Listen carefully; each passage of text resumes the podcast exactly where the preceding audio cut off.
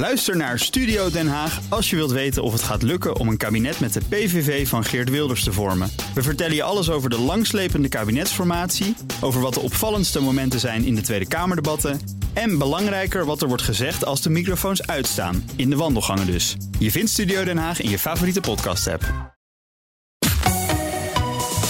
BNR Nieuwsradio. Boekenstein en de Wijk. Hugo Rijksma. De nieuwe cartooncrisis. Prophet Muhammad was wonderful. Van een les over het vrije woord Blessing to the people of the world. naar aanslagen en een nieuwe clash tussen Europa en de islamitische wereld. Maar de gezelligste Mohammed-cartoons hoort u bij Boekenstein en de Wijk. Op zoek naar de nieuwe wereldorde. Met dank aan het in deze tijden gevaarlijk klinkende kinder-YouTube-kanaal Muslim Cartoons. Hmm. In de studio. In zijn tijd had de VVD in het parlement nog een apart kamertje voor cartoons. Arend Jan Boekenstein. Ik vind dat nog steeds een hele goede grap. En hij mopperde voor deze uitzending: cartoons, dat gaat nergens over. Waarom? Dat hoort u van Rob de Wijk. Onze gast is Jan-Jaap de Ruiter, Arabist verbonden aan Tilburg University. Eh, meneer de Ruiter, nou, het bepaalt niet de eerste cartooncrisis. Zeker niet. Eh, En zeker dit. ook niet de laatste, denk ik. Ja. Nee. Belediging van de profeet, Ja. dat weten we natuurlijk wel. Maar wat maakt dit zo absurd licht ontvlambaar... dat we nu in drie stappen in een eh, diplomatieke crisis zijn Nou ja, het is, het is natuurlijk een oud verhaal. Als je aan de profeet komt, dan kom je aan een heel essentieel onderdeel van de islam. En je zag het ook eh, toen president Erdogan van de week in die speech eh, zei van, hè, hij had het over mijn profeet. Het is, de beleving van veel moslims is, de profeet is, is een, een bijna heilig man. Hè. Ze zeggen wel dat het een mens is, dus niet een soort van god. Dat mag ook helemaal niet in islam. Maar hij staat op een enorm voetstuk. Ja, en kom je daar aan, linksom of rechtsom, het blijft verschrikkelijk gevoelig. Dus dat is de reden waarom heel veel moslims eh, in vlammen eh, eh, uitslaan. maar Jaap, dat is natuurlijk waar wat je zegt, Ja. maar wat ook waar Nou ja, dat was ook de vraag. hè. maar, maar, maar wat, maar wat ook waar is, is dat er loopt dus een, een man loopt dan die basiliek binnen in. Nice. Die arme koster daar, die heeft nog nooit een cartoon van de Nee, profeet getekend. nee, nee. En het was toch voldoende om hem de, keel af te hakken. Ja. En een mevrouw die daar stond, heeft het nog geprobeerd, maar dat lukte niet zo goed. Omdat dat vrij lastig is om iemand. Het is natuurlijk toch wel heel ernstig. Het is ernstig, weet je ook bijvoorbeeld wat eh, voorman eh Louali zei van NIDA zei van dat dit een, eh, ja, een, een- gek en een idioot is. Daar ben ik het niet mee eens. Deze man, deze Tunesiër, misschien is hij ook wel bewust hè, via Lampedusa naar, naar Europa gekomen om dit soort aanslagen te plegen. Dat weet je niet. Eh, maar daar, gaat iets mis in dat hoofd. Die, die, de profeet wordt beledigd. En dan zijn opeens alle christenen Ja, eh, een geoorloofd eh, slachtoffer, een geoorloofd eh, vijand. En zelfs gewoon zo'n zo'n vrouw die in een, in een kerk zit. Dus het is heel symbolisch dat hij natuurlijk die kerk inging. En dit is, ja, dus dit, dit, dit is een onderdeel van de jihadistische, eh, zeg maar, politieke islam. En die zet blijkbaar hè, zet dit soort eh, lonely wolves of lone wolves eh, in vuur en vlam. En die gaan de meest verschrikkelijke dingen doen. en ze zijn dus wel degelijk religieus geïnspireerd. Ja, dat zeker weten. En ze Ja. gebruiken een bepaalde interpretatie van bepaalde soeren. Ja, ja, nou ja, ja inderdaad. hè. De, de jihadistische islam staat toe dat je daadwerkelijk in het hier en nu de, de vele vijanden die er zijn van de islam, dat je daar wraak op kunt nemen voor hè, wat in dit geval de, eh de, de vermalendijde kruistochters en wat iets meer zij eh, de islam hebben aangedaan door die, door die cartoons eh, goed te keuren. Ik zag ook nou, dat wat, wat, wat meer van die politieke commentaren. Volgens mij een Maleisische oud-premier Ja, ja, die verwees naar de koloniale tijd. Ja, en ik zag een stuk in de eh, Daily Sabah, zeg maar de Turkse regeringskrant, waarin werd gezegd dat islamhaat in Europa is omdat eh, de islam de enige cultuur is die niet is gecorrumpeerd door het kolonialisme. Zit daar ook naast dus die religieuze woede een, een politieke... Nou ja, er zit eh, inderdaad het verleden speelt hier altijd een rol. Want het is ook altijd in Frankrijk. En dan is het verhaal van jou, Frankrijk heeft een groot eh, koloniaal verleden in de islamitische wereld, Noord-Afrika met name. En dat wordt hen nog altijd eh, nagedragen. De profeet heeft ook een groot koloniaal verleden. ja, ja, ja, zeker. Maar dat is, dat is even een ander verhaal. Maar het verhaal, weet je, dat, dat ken ik wel. Van de, de islam is in principe de beste godsdienst ter wereld. En niet gecorrumpeerd door wat dan ook. Dat hoor je altijd. Hè. Dat, Mhm. dat, dat is een soort uh, idee fix in mijn, uh, mijn, mijn, mijn beleving. En van daaruit wordt elke aanval op islam geïnterpreteerd als, uh, nou ja, als uh, daar, daar moet op gereden. Ik vind het heel ernstig dat die Maleisische premier dat heeft gezegd. Ik geloof dat hij anderhalf miljoen volgers heeft op Twitter. Mhm. Juist dat soort mannen zouden ook uh, moeten. want hij, hij, heeft zoiets als gezegd van we, we moeten dit vergelden. Ja, Dat is natuurlijk een ja, wat, mij echt op, wat mij echt verbaast Ja. is dat eh, het ineens zo'n opkoker is eh, geworden. Eh, ik heb nog eventjes het dreigingsbeeld van de NCTV, de laatste erop eh, geslagen. En daarin wordt letterlijk gezegd, in de eerste helft van dit jaar hebben die jihadisten in het Westen meer aanslagen gepleegd dan in heel 2019. Hmm. Ja. Maar het ging om kleinschalige aanslagen. Ja. Eh, en de aanslag van de afgelopen dagen en vorige week, die hoorden daar natuurlijk ook bij. Eh, eh, dus eh, het, het gaat maar door. Hè. In, op 20 juli zijn in Reading in Engeland zes mensen neergestoken. Eh, drie overleefden het. Ja, weet je, dat probleem blijft gewoon doorgaan. Maar Ja. nu in één klap wordt het een verschrikkelijke opkoker en lijkt het wel een internationale rel te zijn geworden. En dat moet dan toch iets te maken hebben, denk ik, met die, met die cartoons. Ja. Waarbij eh, westerse landen ook zeggen van ja, maar dit raakt aan de vrijheid van meningsuiting. En de grote vraag is zo langzamerhand of dat zo is. Dus het is niet een aanslag op een aantal mensen in, in een kerk of in een school, maar het is een aanslag op de vrijheid van meningsuiting. Ehm, maar ja, ja, wat denk jij er eigenlijk van? Is, is dat nou echt een punt? Ja, dat, ik, ja dat, dat is zeker een, een, een onderdeel van het verhaal. Kijk, de, de aanleiding voor, hè, voor dit soort aanslagen is het beledigen van de profeet. En dat ligt, nou, wat ik net uitgelegd, verschrikkelijk gevoelig. En daar heb je dit soort eh, geesten die dan dit soort aanslagen plegen. En in onze perceptie, van de westerse perceptie, is het van dit is een aanslag op de vrijheid van eh, meningsuiting. Want wij zijn vrij om eh, dit soort cartoons eh, te plaatsen. Ehm, eh, dus ja, daar, daar, de- in, die, in die analyse kan ik me, kan ik me zeker wel, wel vinden. Overigens is de aanleiding om mij te vragen voor dit, eh, deze, dit debat vanmorgen. eh, om, eh, wat was de vraag die mij werd gesteld vanuit BNR: van houdt dit nou nooit op? Ja. Want jij zegt nu ook. Rob, En dat was van, eigenlijk nog voor Nice. Ja, ja, maar, ja. ja, inderdaad. Ja. Houdt ook, het houdt ook gewoon nooit Nou ja, dat is Eh, inderdaad helaas. Dat was mijn eerste reactie ook van nee, dit, Ja. dit houdt niet op, omdat eh, die, die gevoeligheid over de profeet dat blijft. En er zullen altijd eh, van die, van die, er zijn veel te veel extremistische islamitische bewegingen die, daar, hè, die dat eh, exploiteren en mensen oproepen tot, eh, tot acties. En dan gebeurt dat weer. Dus over een volgend jaar en het jaar erop enzovoort kunnen dit blijven verwachten. Ja, ja, En we hebben maar natuurlijk- ook met spotprenten, met spotprenten is het natuurlijk gewoon een, een zaak die al jaren Ja. doorgaat. Hè? Ja. Eh, wanneer was dat met de Jelland Post? Dat was in 2005 volgens Ja. mij. Hè? Met Ja. de cartoonaffaire. Toen werden er eh, eh, een, een verzoek kwam er toen van de, van de redactie om eh, cartoons te gaan maken. Nou, dat hebben ze geweten Ja. ook. Ja. Maar ook in 2018 heeft Wilders nog een cartoonwedstrijd, een tekenwedstrijd, Ja. zoals hij die Ja. noemde. Ik bedoel, je moet er wel opkomen, een Ja. tekenwedstrijd in de Tweede Kamer om die af te plaatsen vanwege de bedreigingen. Maar je zou natuurlijk ook zo'n anti-Koran film van Wilders, dat plan wat hij had, ook kunnen zien als een, eh, als een cartoon. Hè? Want het gaat allemaal om de belediging van de profeet, Ja. maar ook om de belediging van de Koran. Maar weet je, eh, weet je wat er misschien als we denken in termen van oplossingen. Ik had net met Arend Jan hier ook nog even voor de uitzending. Het zou mooi zijn als de islamitische organisaties, ook dat collectief Contre l'Islamofobie en France en de moskee en wat iets meer zei. Eh, eh, niet alleen zeg, eh, die, die, die natuurlijk tamelijk obligaat veroordelen ze natuurlijk de aanslagen. Dat, dat mag duidelijk zijn. En ook in de islamitische wereld erg veel veroordelingen. Ook van Hariri en van de, de sheikhs van Azhar en van Saudi-Arabië enzovoort. Nou, Maar- zelfs van het ministerie van Buitenlandse Zaken van Turkije. Dat Zeker. vond ik wel opmerkelijk. Nee, maar- dat vond ik echt opmerkelijk. Absoluut, maar weet je, dat kunnen ze ook niet anders. Maar wat er ook bij zou moeten vermeld worden, naar mijn beleving. Nou, dat kunnen ze, ze hoeven het ook niet te doen hoor. Ja, dat is Ze waar. hebben dat ook, Ja, niet, nee. ze hebben dat ook niet gedaan toen, toen die meneer eh Paty eh, anderhalve week Ja. eh, geleden onthoofd werd nabij Parijs. Toen hebben ze het ook niet gedaan Dat, volgens dat mij. is waar. Dat is hun maar wat mijn punt eigenlijk een beetje is van dit soort organisaties of ministeries of autoriteiten zouden ook op een gegeven moment kunnen zeggen: wij snappen hoe in het Westen de vrijheid van meningsuiting wordt, ge, hè, wordt beleefd. En dat dat, dat, dat hè, beledigen of cartoons maken van, van regeringsleiders of wat dan ook, maar dat dat erbij hoort. Als dat nou ook gezegd zou worden, hè, door dit soort islamitisch eh, geïnspireerde of islamitische eh, autoriteiten. Dan haal je al een hoop eh, weet je, wel, eh, eh, druk Ja. van de ketel. Want dan zeg je eigenlijk van ja, het is niet ons ding. Maar dat gebeurt nou eenmaal in het Westen en het zal wel. Ja, ik Ja, maar- weet maar het dat is niet. wel- Ja, maar, nee, maar Rob, maar Rob, ik weet je- weet het niet, maar Rob, hoor, heb je de reactie andere- gezien van Denk ja. en Nida? Denk en Nida, die zeiden dus... Ik was daar zo in teleurgesteld. Die zeiden dus van... ja, eh, het is natuurlijk vreselijk wat er gebeurd is... maar eh, wij moeten dan maar die, die politieke islamorganisaties van Parijs... Hè, die moeten dan maar asiel gaan verlenen in Nederland.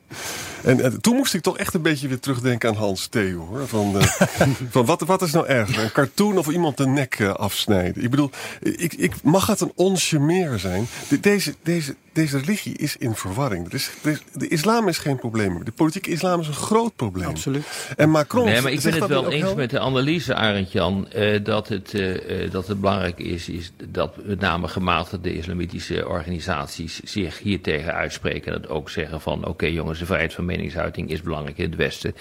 Eh, maar realiseer je dat een aantal van die types zich laat inspireren door IS en Al-Qaeda. Ja. Eh, en we weten dat eh, op dit ogenblik eh, eh, Syrië, het Midden-Oosten, eh, er weer sprake is van een revival van dat soort eh, organisaties, omdat de westerse troepen zich aan het terugtrekken zijn. Is allemaal voorspeld dat dat zou gaan gebeuren. Nu gebeurt het ook. En ook nou, nog een keer eh, aan het dreigingsbeeld van de NCTV. het, eh, eh, men manifesteert zich ook steeds meer in Europa om ervoor te zorgen dat hier aanslagen worden uit, eh, ge- eh, uitgevoerd. En dat betekent dus ook eh, dat die mensen ja, misschien eerder naar Al-Qaeda en IS zullen luisteren dan naar gematigde moslimorganisaties om- of naar moskeeën. Dus je zit met een fundamenteel probleem wat niet makkelijk op te lossen is door, laten we zeggen, alleen maar te zeggen tegen gematigde moskeeën van jongens, doe ook eens weer, zeg ook eens wat. Hè? Dat gaat dus gewoon niet werken. Wat vindt u, meneer de Ruiter, van, van de aanpak van Macron? Want die was na de moord in Parijs veel harder dan na eerdere Ja. aanslagen. Hè? Waarbij dus ook organisaties zoals u die noemt eh, aan de verkeerde kant worden geschoven Ja. door hem. Ja, het- Het- Gaat dat, is dat een handige aanpak of gaat dat te ver? Ik snap het wel, maar het is toch een beetje met een eh, kanon op een eh, schieten op een, eh, een mug. Eh, het, het, voor, het, voor het politieke ge- gevoel eh, heeft het wel effect om te zeggen... en we gaan die en die moskee aanpakken, die, die organisatie... ook dat collectief contre l'islamofobie enzovoort. Ehm, ik snap, kijk, de, de beweegreden voor hem is, om te, is volgens mij omdat dat soort moskeeën of organisaties te, te weinig afstand nemen, te weinig duidelijk stellen waar ze staan en te weinig aangeven van wij snappen dat die vrijheid van meningsuiting, de vrijheid om cartoons te maken in Frankrijk en Europa, dat dat nou eenmaal een ding is. Dus, maar goed, ehm, eh, je kunt een gedachtegoed niet, eh, niet verbieden natuurlijk. En ehm, dus ehm, eh, het leidt ertoe dat, dat zeg maar de, de neiging om te polariseren in, in de sommige moslimkringen natuurlijk alleen maar groter wordt. Ja. Maar anderzijds moet hij wel een signaal geven. En het, ik, ik hoop toch dat, dat sommige eh, mos- islamitische organisaties in Frankrijk nog eens achter hun hoofd krabben. En misschien moeten ze nog duidelijker laten zien waar ze staan.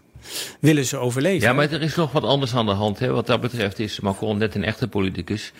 eh, die namelijk eh ferme taal uitslaat in een dergelijke situatie. Omdat het volk dat van hem verwacht. Ook al weet hij gewoon dat hij heel weinig kan doen. Want nogmaals, als het probleem niet, eh, laten we zeggen, de gematigde islam is. Maar een stel radicale eh, types eh, die IS en Al-Qaeda aanhangen, eh, weet je, dan heb je maar één ding te doen en dat is de inlichtingendiensten mobiliseren en ervoor te zorgen dat je erachter komt waar die lui zitten, eh, ze oppakken, hun operaties frustreren. Maar dat is heel lastig hoor. Stom eenlingen gaan die eh, Ja. in een eentje zitten te radicaliseren op een, in een achterafkamertje. Ja. Dit gaat dus ook onze immigratiepolitiek. Ik verwacht dus dat die aanslagen doorgaan, ook de imitatie en zo.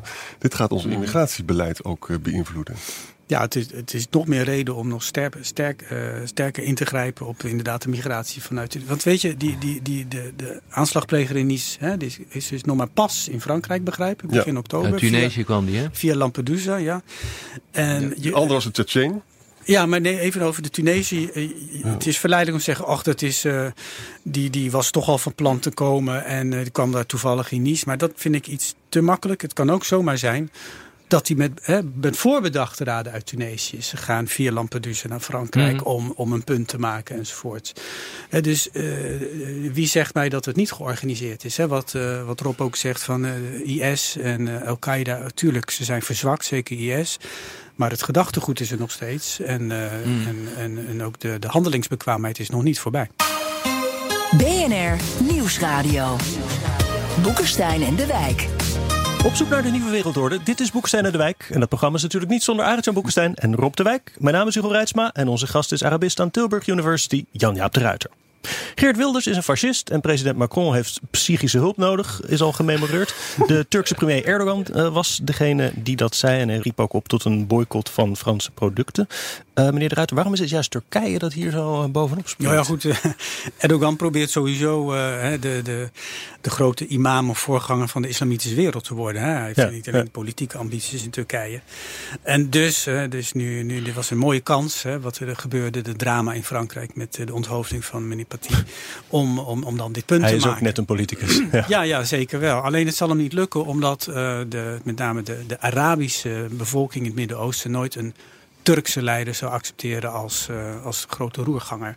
Dat heeft te maken Ja, maar dat wilde hij ook helemaal niet volgens Oh, mij. met het koloniale Nou, verleden van Turkije. Ja, ja, ja, met het koloniale verleden van Turkije. Nee, zou dat Hij, niet zo eh, zijn? Hij is, nee, dat denk ik niet. Hmm. Hij, eh, de, de, zeg maar, een leider voor de hele islamitische wereld is onmogelijk. Het enige wat hij probeert te doen op dit ogenblik, en dat speelt al jaren, Hmm. Is dat hij eigenlijk zijn invloed weer wil eh, laten gelden in- binnen de oude contouren van het Ottomaanse Rijk. Nou ja, ook en dat doet, hij, dat, doet hij, dat doet hij dus ook onder, eh, in de kwestie Cyprus. Ja. Eh, en heeft er allerlei nationalistische principes van stal eh, gehaald. Waaronder het blauwe moederland. En het blauwe moederland komt erop neer dat hij een claim heeft op een deel van de Middellandse Zee in het oosten. Wat ooit eens een keer bij het Ottomaanse Rijk eh, behoorde. Eh, Maar hij wil ook de leider van de Oema 100 zijn. jaar geleden. Maar er liggen toevallig wel een hele hoop olie en gasgeld. Of eh, vooral Komt gasgeld. dat, komt dat even goed uit? Ja, Maar, maar Rob, hij, wil ook, de- hij wil ook de leider van de Oema zijn. En Dat, met de Palestijnen bijvoorbeeld. En het probleem is Ja. alleen dat, dat de Arabieren hebben hele slechte herinneringen Ja, aan het Ottomaanse die, Rijk. die willen dat niet. En Die hebt accepteren dat niet. En Ja. Iran heeft natuurlijk ook... eh, Ook, ook zo'n... Ja, en ook. eh, Ja. ja, precies eh, dat punt, eh eh, Arend Jan. Dat is ex- exact waar het om draait. Er is een machtsstrijd in het oosten gaan, Midden-Oosten gaande. Tussen drie in potentie groot, lokale grootmachten, regionale grootmachten. De ene is Turkije, de andere is Iran, de andere is Sa- Saudi-Arabië. En eh, die, die strijd die loopt al een hele tijd. En de grote vraag is wie de dominante factor wordt in eh, dat deel van, eh, eh, van de wereld. Vooral nu de Amerikanen zich aan het terugtrekken zijn. Ja. Maar weet je, zo de, de oproep, de, de, de statements van Erdogan hebben wel heel veel eh, zeg maar respons gekregen in de islamitische wereld. Ook bij eh, Ja. moslims hier in Nederland. Hè, van die Erdogan zegt het toch maar en die gaat toch maar Ja. tegen die Wilders in. Hè, want Wilders, ja, die zegt natuurlijk nooit iets aardigs over moslims. Dus daarin eh, heeft hij is hij best wel effectief. En dat, da- daarmee ziet hij zijn rol als, nou laat ik dan zeggen, regionale islamitische leider toch wel bevestigd. En in Frankrijk zaten Turken, zaten eh, Armeniërs op te zoeken, zag ik. Kijk eens aan. Erg gezellig. Ja, ja, de- Maar dat- jongens, het gaat, niet, het gaat ook niet, hè, je noemt nu Wilders, het gaat niet alleen maar om de vrijheid van meningsuiting. Hè. Het Nee, gaat er ook om hoe je die vrijheid van meningsuiting gebruikt. Ja, Want je ja. hoeft natuurlijk geen cartoon van, eh, van Erdogan te plaatsen. Nee. Ik zou dat persoonlijk nooit doen. Niet omdat ik nou Erdogan eh, een warm hart toedraag, eh, absoluut niet. Dat, maar dat is het hele punt niet. Alleen, persoonlijk ben ik niet zo van het polariseren om het polariseren Ja. en om het effect te bejagen. Maar als je dat dus wel doet, in een tijd die al gepolariseerd is, met een leider waarvan je weet dat hij dan eh, je, gaat, eh, eh, je gaat pakken om vervolgens moord en brand te kunnen eh, schreeuwen, dat je gepakt wordt. Nou ja, ik, ik heb daar wel enige moeite mee hoor. Ik weet niet hoe jullie daarin in Nou, staan. dit, dit is wel een beetje een mooie polder, eh, polderbenadering. eh, van, want dit gebeurt nu eenmaal. Overigens, dat weet je, Ja, zelf- dat klopt. Dat weet je vast ook wel. In de Arabische wereld eh, stikt het ook van de cartoonisten. Ook in, Ja. in Egypte, in Marokko, in, eh, in Ja. Libanon. Nou, als je die cartoons ziet, die, eh, die doen niet veel onder voor eh, Nee? eh, wat je, hè, over politici. Over Sisi bijvoorbeeld. Ja. Eh, Dus de honden geen brood van. Alleen, inderdaad, cartoonisten in de Arabische wereld zullen wel heel, heel erg opletten om iets over de profeet eh, te Exact. tekenen. Dat, dat is wel een brug te Maar ver. ook zonder Ja. de cartoons, jongens, gaan die aanslagen gewoon Ja, dat is door. ook waar. Ja. En dat is wel iets om over na te denken, Rob. Ja. Nee, maar daar ben ik het mee eens. Maar Ja. ik vind, nou ja, mijn punt is veel meer eh, waarom polariseer je om het polariseren Ja. en om het ontlokken van, eh, van, eh, van, van reacties. Waarom doe je dat? Ik begrijp het heel wel, heel goed dat je dat doet. Dat doe je ook uit electoraal eh, winstbejag. Maar persoonlijk heb ik daar gewoon moeite mee. Klopt, Ik, ik vind het een manier van politiek bedrijven waarvan ik denk, ja, moet dat nou? En je zou bijvoorbeeld ook een punt kunnen maken van het idee van, nou, oké, als dan eh, voor een bepaalde bevolkingsgroep, zo'n symbool, die profeet, zo onwaarschijnlijk belangrijk is. En je weet dat je de, de hele goede gemeente daarmee schoffeert. Om iedere keer maar weer cartoons eh, te maken. Waarom doe je dat? Waarom doe je dat dan? Waarom zou je ook gewoon niet een beetje respect kunnen opbrengen Nou, voor je, dat ik, soort eh, ik- gevoelens? dat snap ik. eh, maar ik heb ook wel in mijn, mijn discussies met moslimvrienden van mij... hebben het vaak over dit onderwerp gehad. En Mhm. wat ik vaak hoor van mijn moslimvrienden is dat de profeet... eh, sallallahu alaihi wasallam, sorry. Oh, dat moet je dan zeggen. God zegen hem en geef hem vrede. Van, eh, dat, dat deze in zijn leven altijd heel eh, tolerant eh, zou hebben gereageerd op kritiek. Die vaak heel fel was hè, op de profeet. Dat de profeet er altijd met een zekere wijsheid mee... Hè, de profeet is een wijs Ja, en daar is groot die man. profeet voor. Juist. Ja. Maar dan denk ik, als de profeet, zo mij wordt verteld, altijd zo wijs en, en, en reageerde en niet agressief, waarom doen de moslims dat vandaag de dag dan niet? Ja, dat is een manier van rationaliteit die, je kan wel, die ik wel kan begrijpen. Maar Ja. niet als je daar hele sterke gevoelens... eh, Tuurlijk, tuurlijk. eh, maar de profeet was natuurlijk ook telt een Maar de profeet was natuurlijk ook een man met gevoelens. Eh, Het is ook maar een mens, zullen we maar zeggen. Dat zeggen de moslims ook altijd. Ja. Dus, dat voor, dus, hè, dus dan, dan denk ik, wij, wij kunnen en de cartoons doen. En de moslims kunnen hun profeet vereren en, eh, en, en, eh, eh, en zonder zich daar wat van aan te trekken. Zoals de profeet dat in de tijd ook deed, is dan mijn redenering. Maar we Ja, komen maar er meestal niet helemaal uit hoor. buurman in Nederland toch ook niet bewust te beledigen. Omdat ik gewoon weet dat ik dan een klap voor mijn kop krijg. Ja, maar waarom dat is zou, toch, je- het is waarom toch zou niet je dat altijd maar doen? Ik bedoel, vrijheid van meningsuiting betekent ook dat je niet alles hoeft te Ja, zeggen. ja. Hey Rob, ik vind het leuk te horen dat je, er, dat je er zo in zit eh, over die cartoons. Maar voor de uitzending eh, zat je zo van ja, cartoons, moeten we het daar nou zo over hebben? Hè, het gaat uiteindelijk gaat het ook om, om kwesties van macht. Zeker zoals Turkije daarin staat. Nou, dat, eh, besteedt, eh, dat, dat speelt absoluut een, eh, absoluut een rol. Ik, Ergo- Erdogan, ik heb het net al gezegd, probeert toch de leider te worden van, eh, eh, van dat deel van de wereld, zeg maar. De contouren van het oude Ottomaanse Rijk. bag En is daar ongelooflijk eh, assertief mee bezig. In eh, Libië steunt hij eh, de eenheidspartij in Tripoli. Hij steunt de oppositie in Syrië tegen Assad. Eh, hij is bezig eh, met het eh, proberen onder controle te krijgen van gasvelden ten zuiden van, eh, van Cyprus. Eh, in eh, de kwestie van Nagorno-Karabakh eh, steunt hij Azerbeidzjan. Hij ligt op rampkoers aan de ene kant met, met Rusland. En hij deelt tegelijkertijd met Rusland de aversie tegen het Westen. Dus je hebt hier, en het is ook nog een keer NAVO-lid. Dus je hebt hier een eh, land dat dus aan alle kanten eh, zijn eigen koers probeert eh, te varen. En, eh, en, en met een leider eh, die er ook niet goed tegen kan als er een cartoon tegen hem eh, eh, wordt eh, Hij heeft er getekend. niet eens naar gekeken, zegt hij. Nee, maar je hebt hier natuurlijk wel echt een probleem. En je hebt hier eh, ook een land in mijn optiek die echt op weg is eh, naar de uitgang van de NAVO. Ja? Ja, maar, maar er komt nog iets anders Ja. bij. Eigenlijk heeft hij een sterke positie als je het nou geopolitiek analyseert. Hè. Turkije is lid van de NAVO. We kunnen Turkije er eigenlijk heel moeilijk uitzetten, want dan drijft het misschien af naar het Iraanse kamp. Dan wordt het nog erger. Hè. Hij heeft de Bosporus. We willen niet dat de Russen de Bosporus gaan domineren. Dus ook daar is het sterk. In Syrië heeft hij zijn zaakjes geregeld. In Zeker. Libië is hij bezig. Dus de- met andere woorden, de terugtrekking van Trump uit het Midden-Oosten van de VS betekent eigenlijk dat eh, Erdogan meer vrijheidsgraden heeft. Wij kunnen niet zoveel tegen Turkije doen.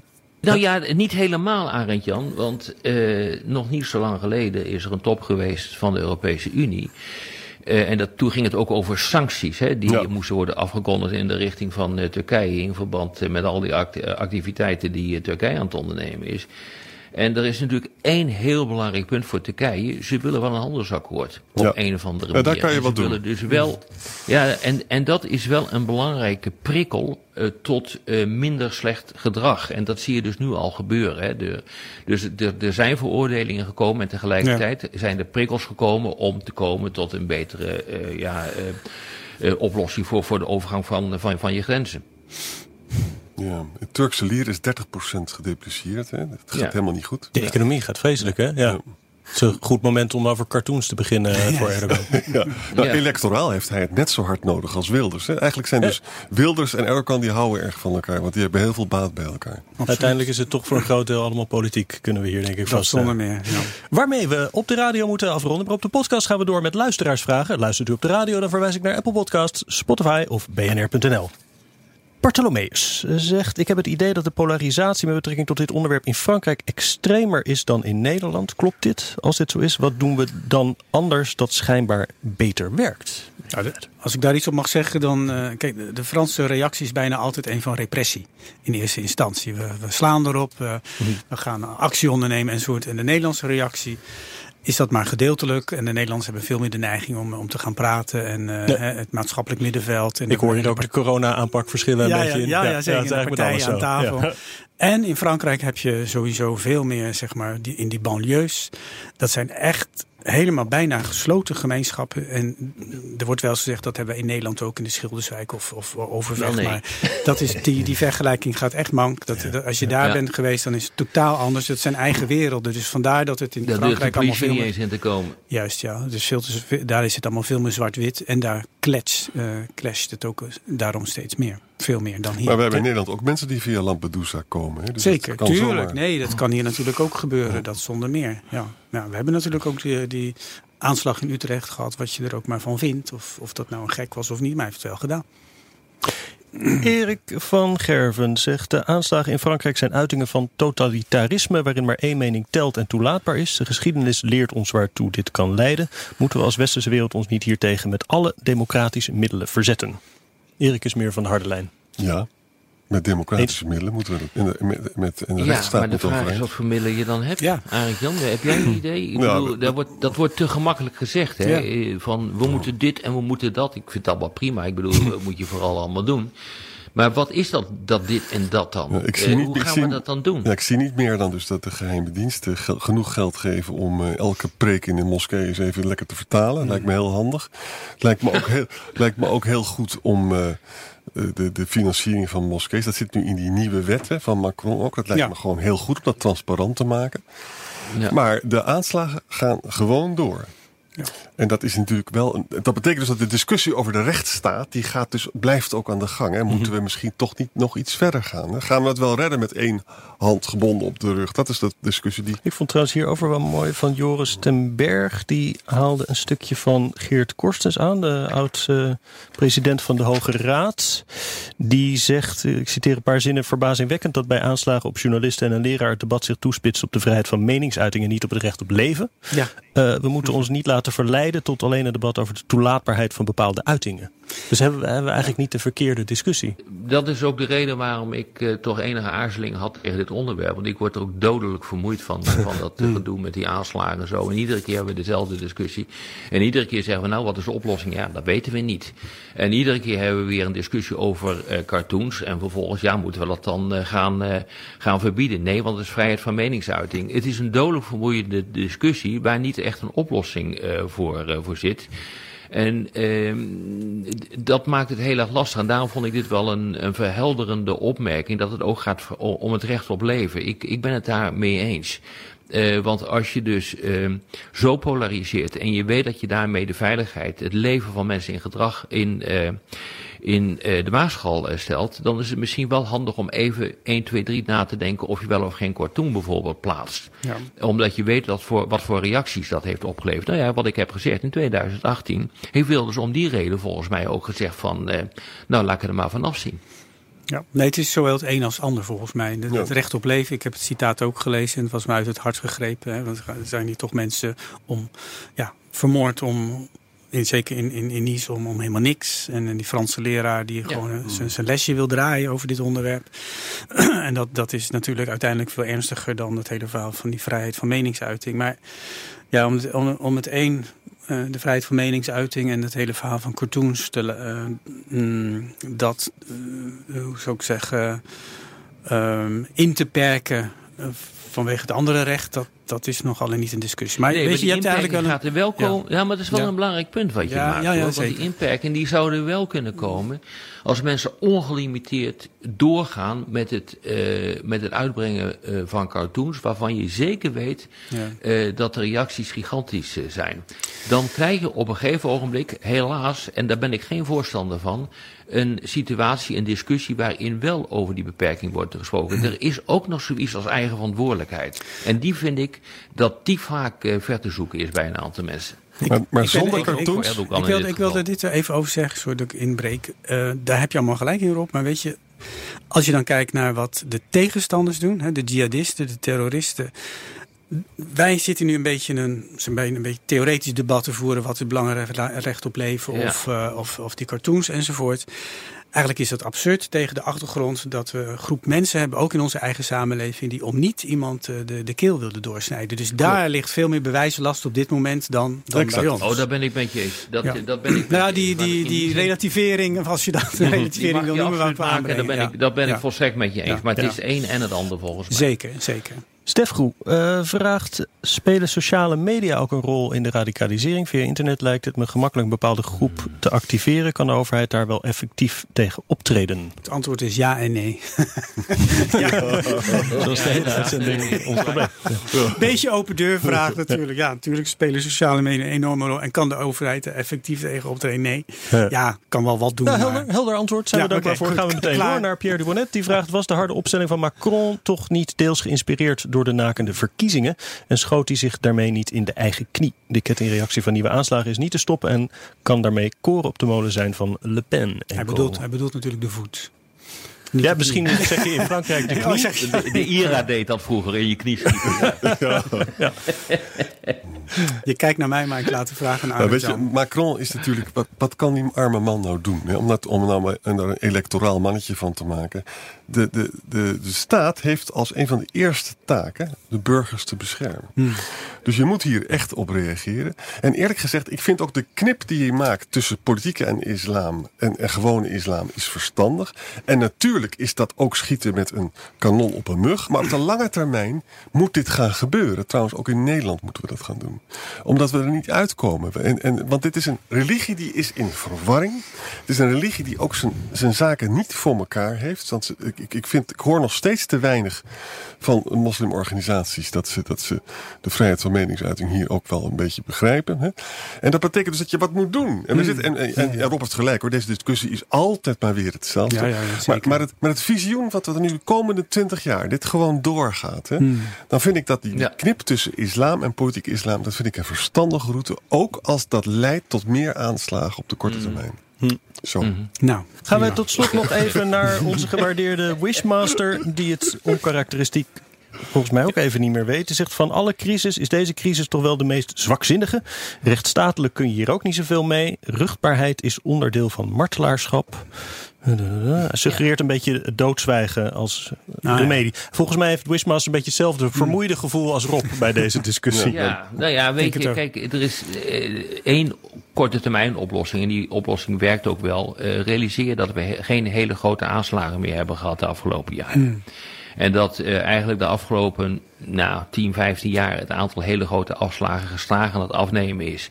En het is ook geen wonder eh, dat je mensen overhoudt met een mes eh, die iemand anders de keel afsnijdt. en dat Ja. komt omdat die inlichtingendiensten gewoon ontzettend goed hun weg, eh, werk doen. En het bijna onmogelijk is om grote aanslagen voor eh, te bereiden. Dus wat je dan overhoudt, dat zijn van die mafkezen met een mes. Die geradicaliseerd zijn. En dus iemand gewoon pakken in een symbolische plek. Eh, in dit geval een, eh, een moskee. Maar als je kijkt, of een Kerk. kerk. Maar als je kijkt naar het aantal synagoges dat gepakt is de afgelopen nou, 10, 15 jaar, is gigantisch. Eh, dus eh, eh, het heeft wel enorme effecten, omdat namelijk het aantal aanslagen blijft wel relatief hoog. Maar de omvang van die aanslagen is relatief klein geworden. En het aantal slachtoffers is ook relatief klein geworden. Dus de aanpak heeft wel degelijk effect. De statistieken dus niet- die, die zijn positiever Ja. dan ooit, maar de effecten Ja, zijn de- natuurlijk ja. nog wel heel fors. Ja. Nee, omdat het enorme maatschappelijke Ja, effecten dat bedoel heeft. ik, ja, en, en ja. terecht, omdat het natuurlijk ook verschrikkelijk is wat daar ja, gebeurt. absoluut. Ja. Nou. Dit was weer Boekenstein en de Wijk. nou, we zijn zo'n Boekenstein en Rob de Wijk zeg ik dank voor het luisteren. Speciale dank aan Jan-Jaap de Ruiter en tot volgende week.